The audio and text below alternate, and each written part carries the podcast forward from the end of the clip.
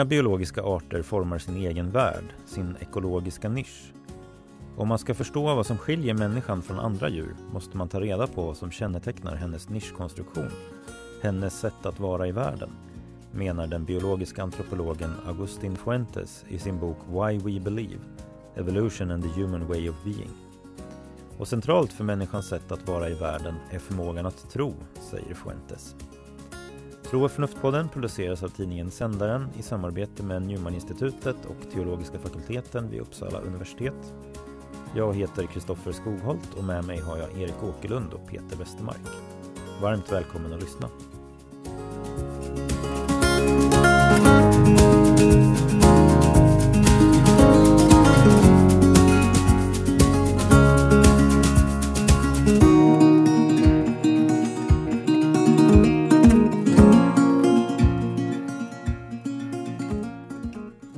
Ja, då var det dags att spela in ett nytt avsnitt i studio. Vi har ju pratat med Kimmel och det var de två tidigare avsnitten och det gjorde vi över Zoom eftersom mm. han bor i USA.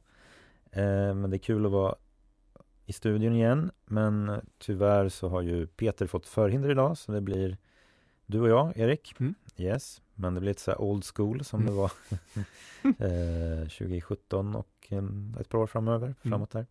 Eh, och Eh, men så. Men välkomna till programmet och eh, vi testar. Vi hittar nog tillbaks till gamla spåren. Absolut, det mm. tror jag. Vi tänkte börja lite med eh, att prata om de här avsnitten som vi har haft med, med och om Al Kimmel som har skrivit den här boken Destined for Joy, The Gospel of Universal Salvation som vi diskuterade i avsnitt 57 mm. och sen var det ju avsnitt 59 och 60 som han var, vad heter det, gäst då. Mm. Um, ja, och han, när man skulle klippa det avsnittet så kändes det lite som att man, var, man skulle försöka tämja en fjäril. Alltså, mm. När man ställde en fråga till honom så flög han mm. liksom runt lite okontrollerbart, så att säga, mm. cirklade runt och associerade mycket och sådär. Uh, men det var ju väldigt kul att prata med honom tycker jag. Han uh, det är verkligen en engagerad mm. person. Liksom. Har du några reflektioner sedan de avsnitten eller sådär? Som... Jag tänker att hans sätt att resonera och vad han för fram för sin ståndpunkt gör sig väldigt väl just i intervjun egentligen, eh, eftersom han resonerar så personligt. Och det där kan ju både finnas för och nackdelar eh, med, alltså om man går in personligt så, så är det svårt att ens resonera kanske eftersom det blir så känsligt. Men han gör det på ett väldigt bra sätt tycker jag och eh, han har tänkt igenom sin ståndpunkt och lägger fram den här mer personliga sidan på ett genomtänkt sätt. Eh, så på det sättet så tycker jag det var mer givande eh, nästan att ha intervjun med honom än att läsa boken. Boken var också givande men där fick man man förstod hans ärende relativt snabbt och eh, när det är en bok så eh, blir det, kan det bli låt säga lite tradigare att läsa samma sak om och om igen, mm. men i en diskussion kan mm. man komma tillbaks ja. till samma poäng flera gånger, fast ja. på olika sätt på ett annat sätt. Ja, det. Um, jag det är lite det, som att man åker i en spiral. Ja, just liksom. det, precis. Det, att du kommer tillbaks men på en annan nivå. Liksom. Precis, mm. så det gör sig bra i en, i en konversation mm. då. Uh, så jag är mm. jätteglad att vi fick till en mm. intervju med honom. Ja, nej, men jag håller med om att det var kul att ha den intervjun och eh, sådär. Även om jag nog inte riktigt upplevde boken som repetitiv kanske. Men, men, men absolut, det gör ju någonting mer i... Det, det är fascinerande att han är så... Alltså på något sätt så vibrerar han ju själv av den här teologin. Precis. Och det är ju, det är ju intressant. Liksom. Ja. Så att, eh, att, att, att eh, han, han Eh, men, men eh, ja, precis. Nej, men jag har också tänkt lite mer principiellt två aspekter kring universalism så att mm. säga, efter de här avsnitten. Den ena biten har att göra med att om man liksom antar ett så universalistiskt ramverk så, så då tonas ju ändå betoningen av om man säger kyrkans mission som att ge människor en slags postmortem försäkring. Mm. Det tonas ju ner. Mm. Och det tror jag är sunt. Mm.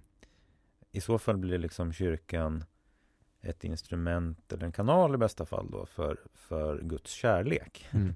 Som är själva poängen, så att säga. Mm. Att vi ska förenas med Guds kärlek. Mm. och på det viset tror jag att liksom, kyrkans liksom, vittnesbörd eller budskap skulle kunna bli lite mindre ambivalent. Mm. Liksom. Mm. Eh, om, om det fick verkligen vara i förgrunden så att säga. Mm. Um, så det är väl en aspekt av det hela. Och, och, jag menar, på något plan så gäller det här även om man liksom är hoppfull universalist. Mm. Liksom. Man måste inte vara renlärig Kimmel. Mm. Eller David Bentley Hart liksom. Och sådär. Säga att man vet att alla kommer bli frälsta. Men liksom att poängen här är inte liksom att dela ut livförsäkringar. Det är inte det som mm. är primärt. Så det är den ena, ena saken. Den andra saken jag tänkte på var utifrån de hade i läsarpodden så pratade de ju om Alistair McIntyres bok After Virtue. Och vi läste ju för ett par år sedan, är det ju nu snart, eh, Dependent Rational Animals mm. av, av Alistair McIntyre. Men, men de pratade om After Virtue och dygdetiken och sådär. Och så pratade de lite om eh, skillnaden mellan praktikinterna dygder och praktikexterna dygder. För, för, för, för McIntyres analys av dygder är ju kopplat till det han kallar för praktiker, sociala mm. eh, liksom, praktiker som att spela schack eller spela fotboll och då finns det vissa färdigheter vi behöver liksom, för att kunna spela eh, schack bra. Då. Mm. Och det exemplet som Joel Halldorf hade var att han har sagt till sin son nu att om du vinner mot mig så, så i schack, de har precis börjat spela schack, om du vinner mot mig någon gång här nu då, framöver, liksom, då får du ett kilo godis. och, och, det var ju ett, ett, sätt att motivera honom att, att spela schack och sådär. Men, men om han bara skulle bli motiverad av att vinna godiset, då är det så här, om Joel går iväg och går på toaletten så finns det inget som hindrar att mm. hans son fuskar, så att säga. Um, och jag tycker det där är intressant för att om man återigen då kopplar det till universalism-diskussionen så mm.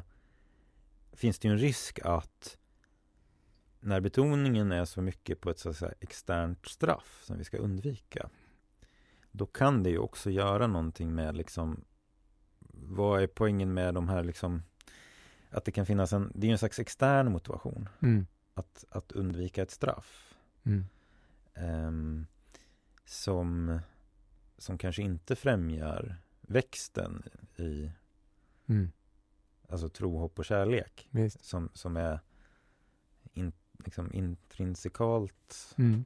värdefulla eller goda eller vad man ska säga. Mm. Så jag tyckte det var lite intressant. Men det är kanske någon som skulle kunna tänka sig att säga att precis som barn under olika perioder behöver vissa typer av externa motivationer mm.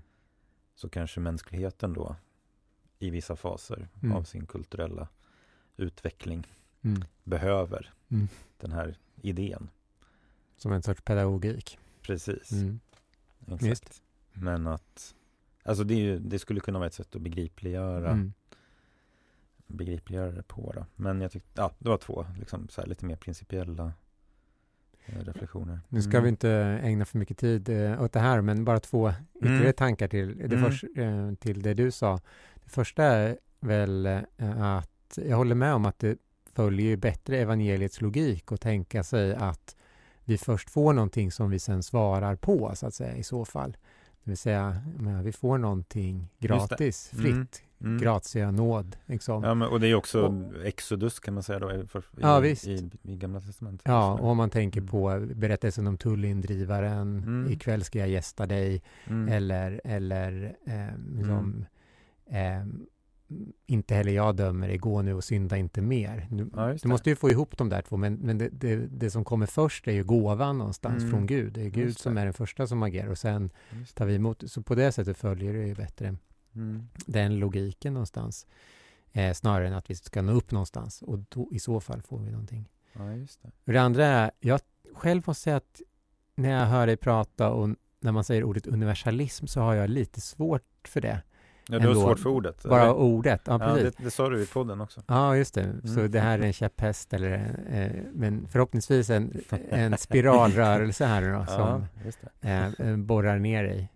Eh, jag kanske tog upp det, precis, att eh, man kan tänka sig på två olika eh, sätt där. Alltså att universalism, det kopplar jag mer till den här synen att ja, alla religioner säger ungefär samma sak, bara man, man är en hygglig mm. Eh, mm. människa så, ja. så, eh, så mm. kommer man till himlen man, eller ja, räddas man. Mm. Liksom. Mm. Men den här eh, inriktningen som Kimmel står för och de han tar mm. upp, mm. den betonar väldigt starkt det kristocentriska och kristologiska. Det är för att liksom, Kristus har stigit ner i dödsriket och sprängt dess, eh, sprängt dess portar ja, som det. alla är rädda. Liksom.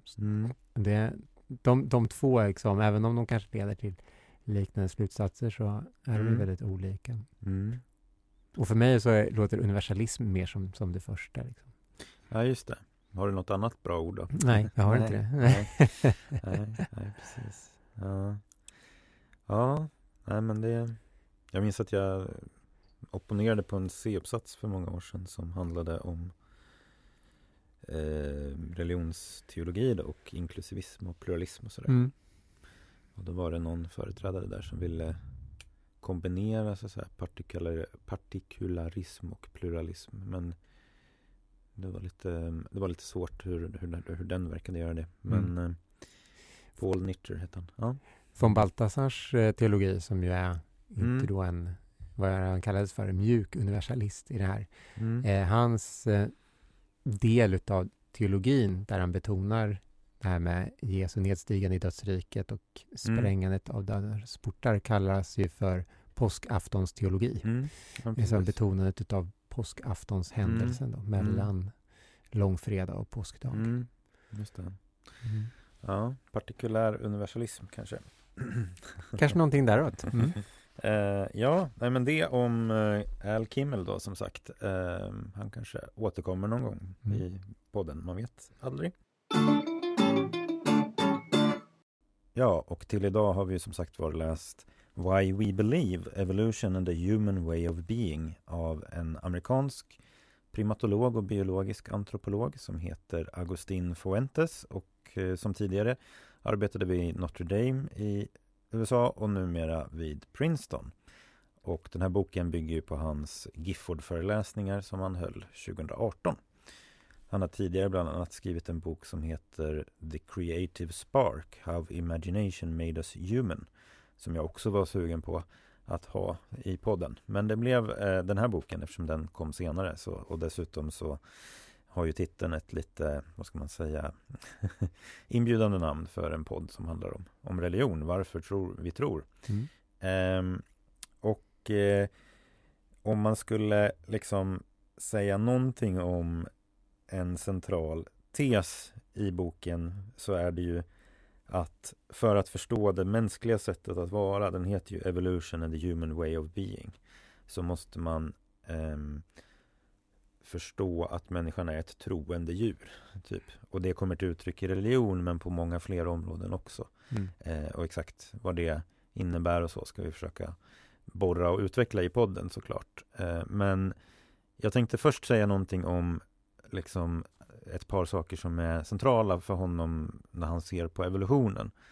Eh, den ena aspekten är att han är en anhängare av en strömning inom evolutionsbiologin som kallas för Extended Evolutionary Synthesis. Alltså att man vill bredda förståelsen för evolutionens dynamik. Så om den neodarwinistiska eh, standardlösningen är att vi har en slumpmässig variation inom, på genomet och som ger upphov till olika eh, förändringar på fenotypnivå, alltså organismnivå. Eh, som är mer eller mindre adaptiva, som ger mer eller mindre fitness. Och sen så selekterar det naturliga urvalet de, de förändringar som, som genererar högre fitness. Då. Men, men den här kausaliteten går från gener till eh, beteende så att säga. Eh, och det finns tre saker som skiljer den här Extended Evolutionary Synthesis från den betoning som brukar finnas inom klassisk neodarwinism. Men, och en sak är som är centralt i den här boken är ju att organismer förändrar också sin miljö. Och när de förändrar sin miljö, då påverkar de selektionstrycket som mm. miljön utövar. Eh, och då, då, då, skapar det en möjlighet för, för en slags kausal, en kausal process som börjar på en annan nivå än på genernas nivå. Mm. Eh, så att, eh, och det är där det här nischbegreppet då är väldigt centralt, därför att organismer som förändrar sin miljö, de förändrar sin nisch och eh, han tar ju bland annat upp eh, att när människor börjar göra eh, verktyg så skapas selektionstryck på en viss typ av händer. Mm. Så det blir en slags samevolution mellan ett kulturellt fenomen, nämligen verktygen, och ett biologiskt fenomen, handen. Liksom, Mm. och sådär. Så det är en mer komplex, eh, kan man väl säga, som förståelse av en, en flerdimensionell liksom, förståelse Mm. av dynamiken, där kausala dynamiken. Och sen brukar man säga att de här extended evolutionary synthesis också betonar eh, samarbetet i mycket högre grad eh, i relation till konkurrens och att det finns en vissa mönster och, i den evolutionära processen. Eh, konvergens i evolutionen, att samma typer av organ utvecklas flera gånger oberoende av varandra. Mm. Så att det utmanar reduktionism, det utmanar betoningen på konflikt som liksom det centrala, där samarbete är en väldigt viktig aspekt för att förklara varför organismer klarar sig Mm. bättre och att det finns vissa mönster eller tendenser. Typ. Det. Så det är, ja, det är den traditionen han står i så att säga. Mm. Ehm, tänkte säga någonting där om nischkonstruktionsbegreppet också. Ehm, ehm, så det finns en, en annan primatolog som heter Mikael Tomasello som, som han hänvisar till, Agustin Fuentes. Och Tomasello har skrivit en bok som kom ut förra året som heter The Evolution of Agency, alltså aktörskapets eller agentskapets evolution. Och det går ju väldigt väl ihop så att säga med den här förståelsen av att evolutionen ger upphov till biologiska organismer som, som kan agera på Mm. olika nivåer och där det finns en, en slags ehm, ja, det, det är inte förutbestämt från generna hur de Nej. ska bete sig. Så det finns en plasticitet då. Mm. Ehm, och det som är intressant är att Tomasello säger då liksom att när en ny förmåga uppkommer eh, och det kan vara förmågan att, eh, alltså ta ett enkelt exempel, att, att kunna se, liksom, nu är det, växer ju sånt där framstegvis. men om, en organism som kan se i relation till en organism som inte kan se, den, den får en ny, som han säger, experiential niche, alltså en ny upplevelsevärld. Den lever i någon mening i en, i en, eh, i en annan värld då, en organism som inte kan Mm. eh, se. Och när, eh, vad heter det, Fuentes pratar om den mänskliga nischen så, så har ju den delvis att göra då med förmågan att tro Mm. som skapar en ny upplevelsevärld.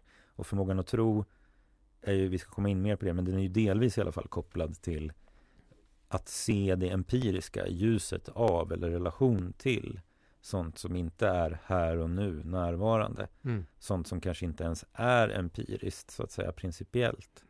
Kanske en osynlig moralisk ordning som Tim Crane pratade om som, som liksom kärnan i ett religiöst förhållningssätt och Mm. sådär. Eller Gud, eller, eller ser det i relation till framtid eller Som Fuentes för övrigt också hänvisar till. Ja, just Tim det. Crane. Precis, precis. Eh, exakt. Så att den mänskliga upplevelsevärlden, den mänskliga experiential niche, Mm. är formad av förmågan att tro, som är i sin tur förknippad med förmågan att, eh, så att säga, föreställa sig att världen kunde vara annorlunda än den är. Mm. Att det finns ideal att sträva emot och sådär. Men Mm. även liksom att se det i ljuset av, av en historia som man har ett minne av på ett annat sätt. Eller Mm. en framtid som man har en förväntan på och sådär. Mm. Ehm, och så. Men eh, ja, så det var två reflektioner om, om liksom två centrala begrepp i hans eh, Mm. där just det här nisch kom, återkommer ju hela tiden Ja. och, Mm. och, och fyller väl delvis någon slags, är ju delvis ett biologiskt begrepp Mm. men det är också ett slags, eftersom den mänskliga nischen är kulturell Mm. så är det också någon slags kulturteoretiskt begrepp. Mm. Men eh, ja, precis. Eh, vill du fylla i något där eller vill du gå vidare? Ja, men eh, gå vidare, men ta tag i, i en del där, för en, en centralt tema förstås för boken Why We Believe är ju då belief, eller tro. Men Mm. för mig på ett sätt blir det inte helt klart vad han menar med tro. Det är ju som du var inne på, bredare än bara religiös tro, även om det inryms i det. Mm. Men om jag ska bara göra ett försök och lite fånga in, du var ju Mm. inne på det då, Mm. men han kopplar det då till vad han kallar imagination, alltså föreställningsförmåga. Att vi Mm. människorna då utvecklar en föreställningsförmåga, alltså en förmåga att kunna föreställa sig någonting som inte är närvarande. Och det kan ju då vara exempelvis ett framtida tillstånd. Jag skulle vilja att det vore si eller så och sen kunna agera sen på det då. Det ger ju en grund för och upphov till betydligt mer komplexa handlingsmönster också då, men det är ju Mm. en föreställningsförmåga. Mm.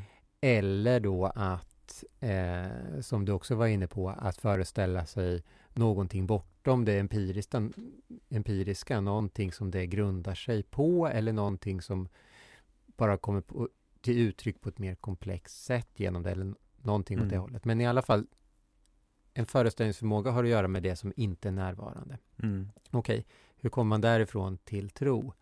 Eh, jag uppfattar det då vidare som att det, det symboliska spelar väldigt stor roll där då. Eh, att vi frambringar på ett sätt eller närvarande gör eller re realiserar egentligen det vi föreställer oss genom det symboliska och det meningsskapande. Mm. Eh, så vi skapar symboler för eller vi skapar eh, en mening eh, Mm. kring det och realiserar det Mm. på, på det sättet. Mm. Det passar ju väldigt bra med då det religiösa till exempel och det icke-empiriska men kanske sämre med den här tro som en föreställning om någonting framtida Mm, som mm. snarare är någonting som vi försöker att eh, bringa till realitet genom att handla Ja. på ett visst Nej men eh, sätt då. Men Exakt. i alla fall, säga, föreställningsförmåga uppstår i den här mänskliga nischen då Mm. och sen kommer tron på det som en, en sorts Mm. förmåga att realisera det vi föreställer oss då. Mm. Precis, Eh, och där kan man väl säga att om, om nisch för Tomasello så att säga, har, har väldigt, en väldigt nära koppling till en kapacitet. Ehm, alltså en seende organism lever i en annan upplevelsemässig nisch än en icke-seende organism.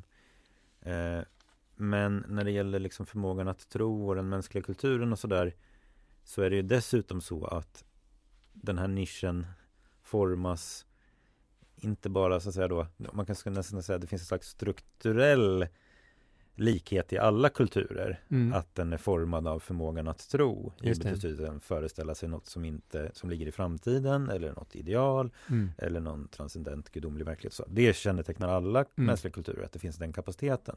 Men sen så finns det ju också liksom, hur du formar det här innehållsmässigt, eller vad Mm. man ska säga, skiljer sig åt. Och i den meningen så blir det också olika då nischer mellan olika kulturer. Mm. Ja. Eh, så att säga. Men han är ju inte liksom, han verkar inte, vissa delar av hans resonemang skulle man kunna tolka som att det blir en så säga, ganska radikal konstruktivistisk liksom att vi, men det är inte så jag uppfattar honom, men, men kulturen är ju viktig liksom. Ja, Eh, verkligen. eh, Nej, och det betonar han ju också, vilket är intressant då, att eh, eh, människan när hon föds är väldigt ofärdig egentligen. Så hur mycket vi formas, eh, det är jämfört med, med andra ja, djur då, ja. så formas vi väldigt, väldigt mycket efter att vi har fötts, vilket gör också då att den kultur vi föds in i Mm, formar oss väldigt mycket, apropå det här med plasticitet som Mm. du pratade om förut. Mm, mm, Och han pratar ju ibland nästan som att det biolo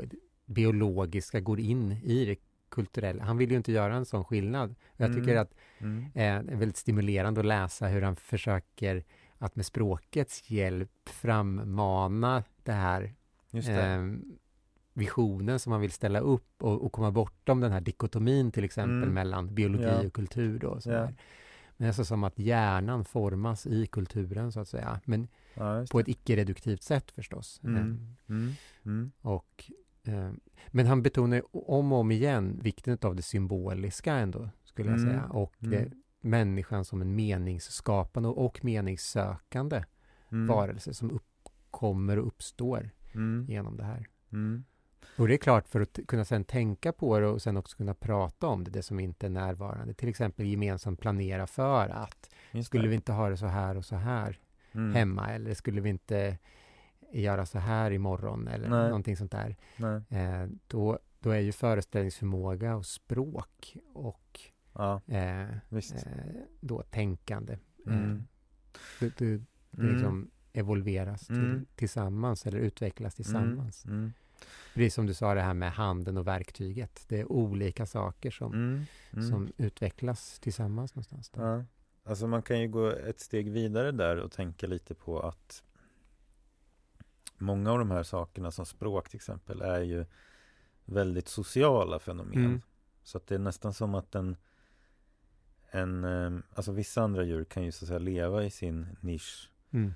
ganska individualistiskt. Mm. Men människan kan ju inte göra det. Så att, säga. För att, att leva i en mänsklig nisch är att leva i en kulturell Mm. värld.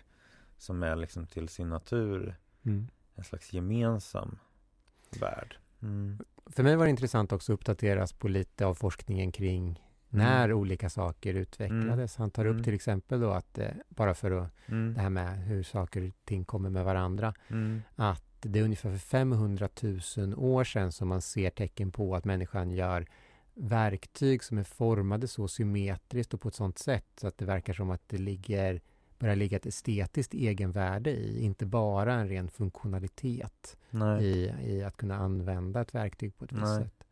Och sen med språk då så är det i alla fall rent eh, biologiskt eller hur det är utvecklat människans eh, Fysiologin där. fysiologi Mm. Kring kring ungefär 400 000 Mm. år sedan då Mm. för Mm. eh, mer utav den.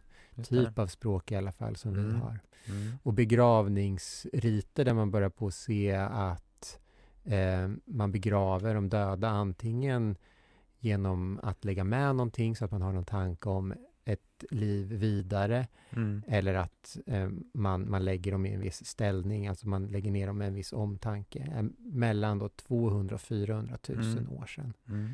Mm. Och det är väl lite längre sen än vad man har sagt eh, tidigare. Det är några fynd man har gjort, eh, gjort där. Mm. Men, men Mm. just hur, hur de här sakerna kommer. Ja, nej, det sätt. växlar ju lite. Jag minns att Rainer Karlsson, när jag gick på, eh, han var ju lärare på Newman-institutet förut och eh, jag gick någon kurs, Människan, vem är hon? Just det. Och då sa han att människan begravdes sina döda för 500 000 år sedan. Men, Mm. men det tror jag han tog i lite. Mm. Just det. Eh, men det växlar ju lite det där, men absolut. Men det är precis, det, det är ju någon slags process som börjar för om man, liksom den bortre, bakre gränsen är väl två miljoner år sedan Mm. det bör, påbörjar en process Mm. som, som får någon slags eh, kulmen i, eh, ja, egentligen så är det ju 40 000 år sedan man ser ett kulturellt, Mm. eh, man pratar ibland om den här kognitiva revolutionen då, Mm. som man tidigare tänkte sig att det var då kapaciteten uppkom, eller vissa tänker väl så kanske fortfarande, men eh, Fuentes är ju mer inne på att det är då vi ser eh, frukter av det. Liksom, Mm. sådär. Just det. Men eh, Ja, det ska man väl säga. När man återger något sånt här så är för, förstås han noggrann, noggrann med att eh, allting inom vetenskap har att göra med sannolikheter och tolkningar och så vidare. Mm. Men jag tycker Nej, men har visst. övertygande ja, argument. ja. Nej, men jag, precis. En annan aspekt jag kom att tänka på nu när du pratade lite här om tro och sådär. Det är ju den här, eh, alltså McIntyres, eh, som vi nämnde tidigare också. Hans bok Dependent Rational Animals som vi läste för två år sedan. Ehm, för han tillskriver ju djur trosföreställningar Mm. och har en intressant diskussion om det. Även Mm. om de inte har språk så kan de inte språkligt artikulera det. Mm. Men liksom en katt som står och väntar på en mus som har sprungit in i ett hål i väggen har liksom en slags trosföreställning om att det Han har finns. mycket delfiner va, alla fall, i den Ja, det är boken. väl lite olika. Ja, precis. Nej, jag vet Mm. att han har Han har ju forskat på delfiner. Men jag tänker bara att han Han, eh, han eh, Mm. Det är en form av tro. Men, men eh, Peter Gärdenfors, kognitionsvetare i, som är svensk som, som, Som också, också citeras. Ja, ja. precis. Han, han gör en ganska stor skillnad med, eller stor poäng av skillnaden mellan frikopplade och kopplade representationer. Det. Och eh, en kopplad representation har så att säga då en, ett empiriskt objekt Mm. eh, kopplat till sig. Men, men en representation är som att du gör en tolkning och du, du kompletterar så att säga din, din eh, tolkning av eh, sinnesdatat som du får in Mm. rekonstrueras och kompletteras och får en kopplad representation. Eh, så den här katten har haft empirisk kontakt med musen. Liksom.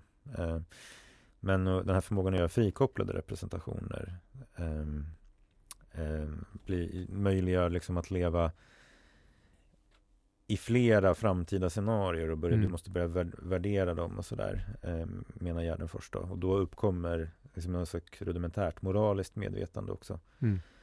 Men dessutom så uppkommer en medvetenhet om din dödlighet och sådär. Eh, Och båda de sakerna, det är ju inte intressant att i skapelseberättelsen så, så kopplas ju mm. ätandet av äpplet till både en slags moralisk förmåga men också en medvetenhet om, om dödligheten då. Så det, mm. Det är en intressant eh, aspekt av det. Ja, nej men om, om vi sammanfattar vad vi har sagt hittills så tänker jag att eh, för att förstå människan så måste man förstå hennes nisch. Mm. Och för att förstå människans nisch så måste man förstå den här kapaciteten för att tro mm. som inte bara har med religion att göra men som också har med religion att göra. Mm. Religion är ett naturligt uttryck för det. Mm. Men egentligen är ju allt mänskligt kulturskapande, allt mänskligt liv i någon mening mm. liksom format av den här kapaciteten. Mm. Och där tycker jag att han har en bra poäng att det blir fel då att prata om religion antingen, alltså det blir ibland en slags dikotom eh, dikotomanalys av evolutionens relation till mm. religion. Mm. Alltså antingen så är religion en strategi för att öka fitness mm. eller så är det en spandrel som man säger då, alltså en biprodukt mm. av någonting annat som mm. är en strategi för att öka fitness. Och han säger att nej, men det, är, det, är liksom, det är mycket mer generella kapaciteter mm kapaciteten att tro och religion är ett naturligt uttryck för det. Mm. Så det blir, liksom, det blir missvisande att kalla det för en spandrel också. Eh, så att säga. Det är nästan som att säga att det är en spandrel att titta på saker som inte maximerar din fitness. Och det är ju lite konstigt för att liksom, vi har fått en generell förmåga att se och den Just. kommer vi att titta på massa olika saker med. Mm. Och på samma sätt säger Fuentes att vi har en generell förmåga att tro. Mm. Och den kommer att ta sig olika uttryck i olika sfärer. Liksom. Mm. Eh, typ så Visst. skulle man kanske kunna mm. eh, sammanfatta fatta det som vi har sagt. Um, men om vi går in på då tre liksom, uttryck för den här förmågan att tro som han tar upp så är det ju dels religion är ju en sån sak han tar upp specifikt. Mm. Ekonomi och kärlek är ju också ett område som han pratar om. Mm. Eh, och jag vet inte, du sa här att du tyckte att det var lite, lite oklart vad han menade med belief. Jag kunde väl kanske jag tyckte nog inte det var så oklart men däremot så, så är det inte lika klart för mig vad han menar med religion egentligen. Nej, eh, om jag ska göra ett försök då eh, så ställer han på ett ställe upp eh, en sorts schema. Eh, han skriver ehm, Imagination, alltså föreställningsförmåga, mm. alltså pil, belief, alltså tro. Just det. Pil, religiousness, alltså religiositet. Och sen pil, religion. Ja, just det. Så den här tron, mm. och jag tolkar det som att han tänker sig att tro som riktar sig främst mot någonting transcendent, just det. Eh, det är religiositeten, alltså känslan mm. av uppfattningen av mm. vad man ska uttrycka det, tron på och så mm. vidare. Mm. Någonting transcendent, någonting mm. som ligger till grund för allting annat här och som man kanske har en, en sorts eh, eh, en, en sån här erfarenhet, vad är mm. det Affektiv. Um, fascinosum med ja, ja, tremens. Ja, det här, det, just det. Foto. Det, nu, det numinösa ju hans Det numinösa, no, det heliga. Ja, Eh, mm. någon, mm. någon sån del förundran, av, förundran. Förundran kanske till och med. Eh, för att, och det är ju ja. ett exempel han har i början av boken där, där eh, de har satt en kamera på en apa. Just det. Som klättrar upp mm. för en bro och, mm. får, och verkar, sitta, verkar sitta och titta på utsikten mm. i några minuter. Just det. Och att det liksom är så här, där har du rudimenten för ja. Och det där är ju jättebra därför att den här liksom läsningen av religion som en slags misslyckad vetenskap. Mm. Den fa faller ju helt utanför ja. hans eh, liksom läsning, vilket mm. ju eh, gör att han har en mycket mer eh, sensibel, så att säga, större sensibilitet för vad religion, religion är för någonting. För sen förmedlas det ju på, på en, det religiösa på en gemensam nivå i religioner. Mm. Och det är mm. väl först, eh, menar han då, framåt för ungefär 5 till 8 tusen år sedan som man ser den här typen mer utav institutionella, institutionella religioner. Han pratar mm. om första kanske avdelade mer tempelområdet eller vad man skulle tolka som det för kanske 10 000 år mm. sedan. Men att det är fem, mellan 5 och 8 tusen år sedan.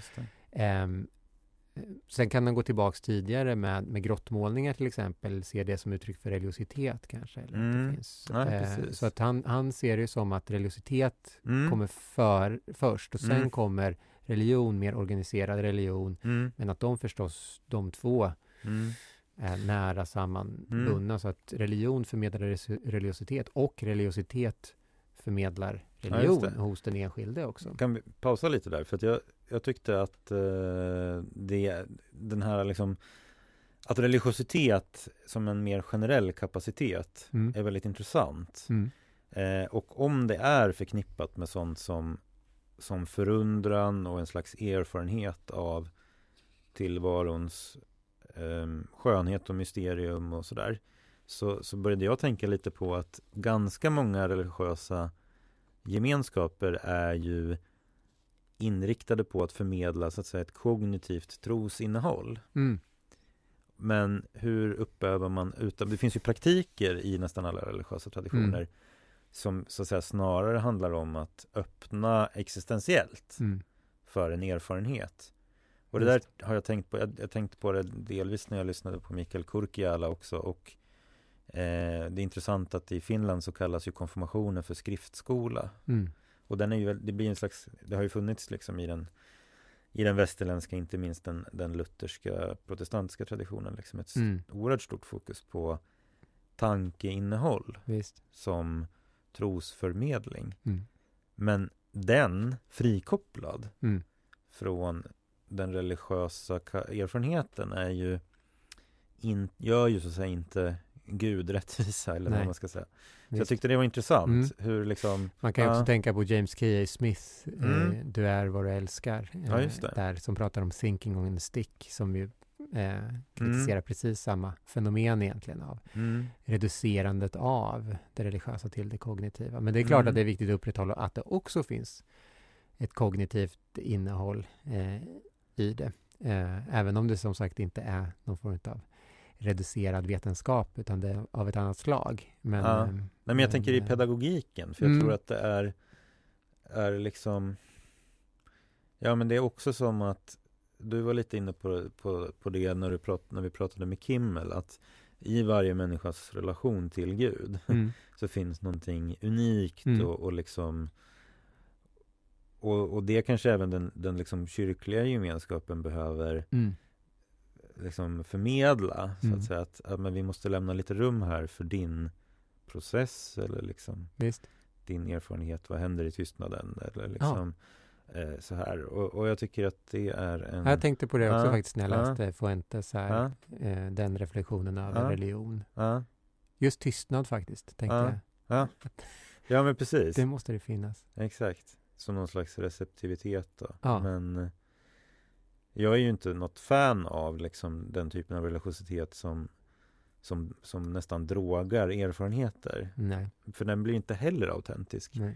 Eh, men, men det finns samtidigt någonting intressant i just distinktionen mellan religiositet och liksom tankemässigt kognitivt innehåll. Mm. Där jag tror att den, det är ju enklare att förmedla tankemässigt kognitivt innehåll. Visst.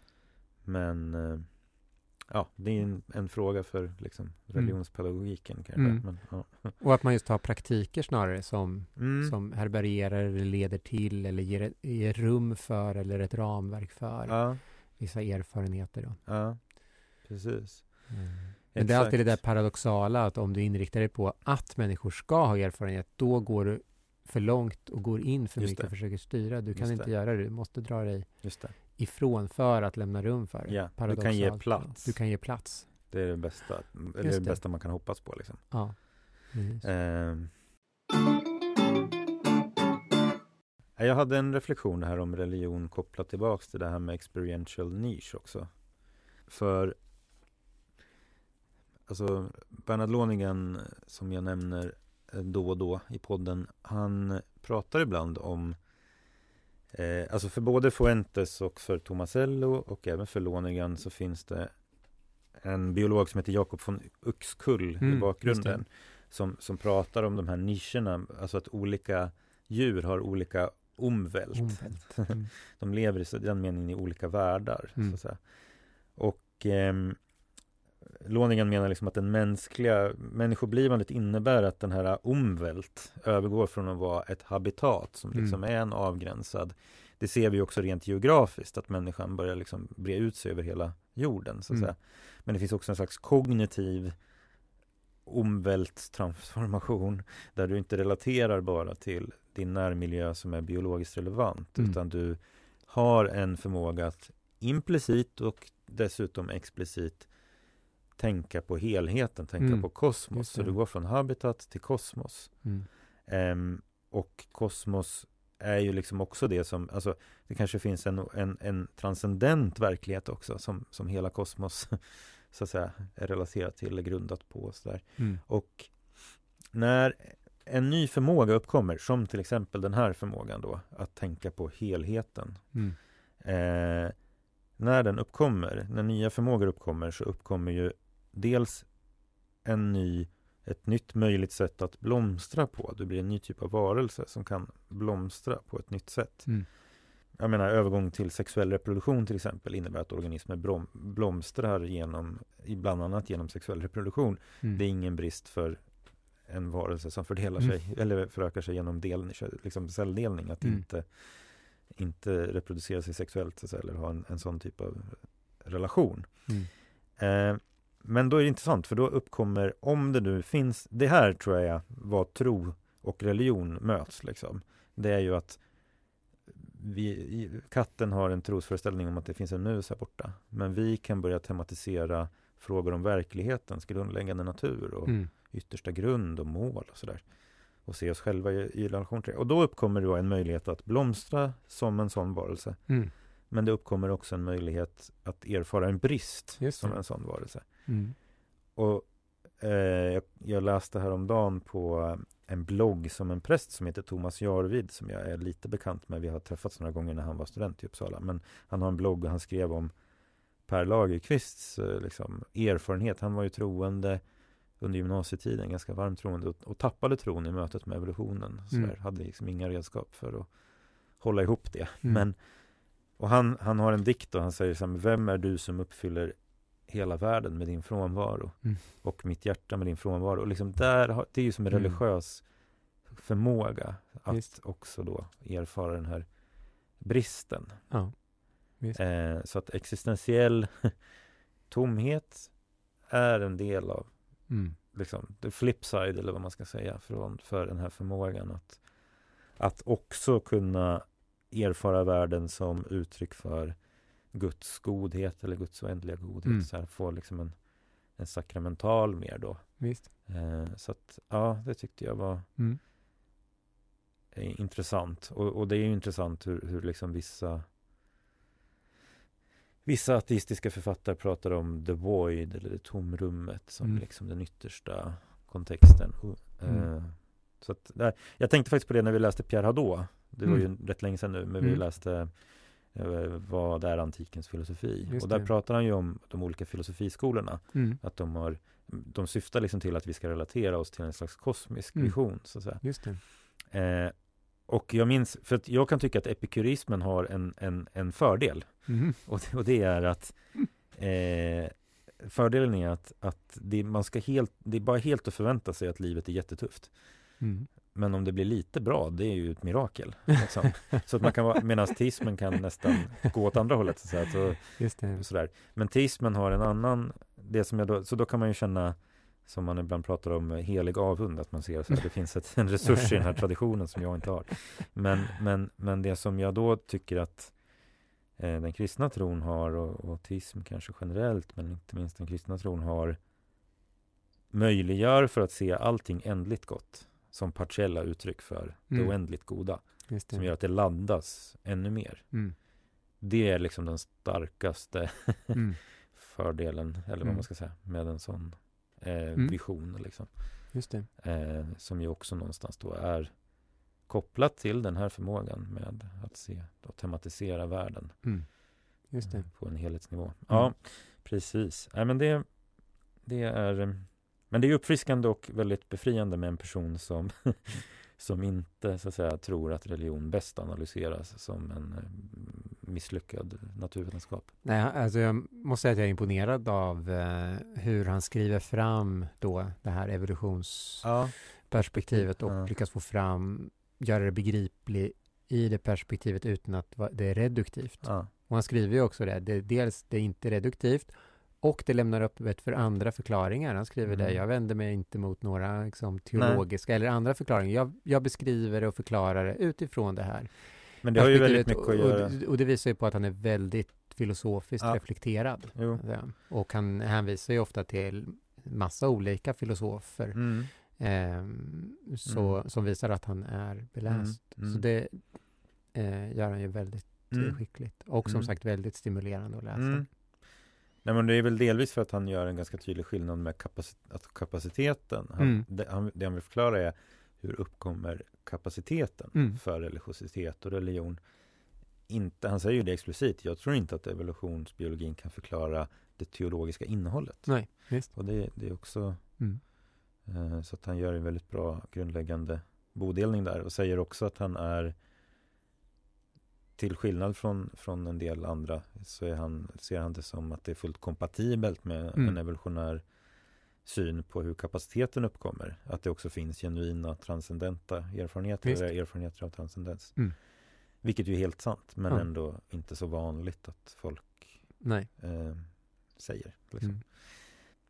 Ja, vi har väl inte 100% bestämt vad vi ska läsa till nästa gång, men eh, eh, vi har några olika idéer. Det är bland annat en som heter Moral Believing Animals som jag nog skulle rösta på. Som är skriven av en sociolog som heter Christian Smith.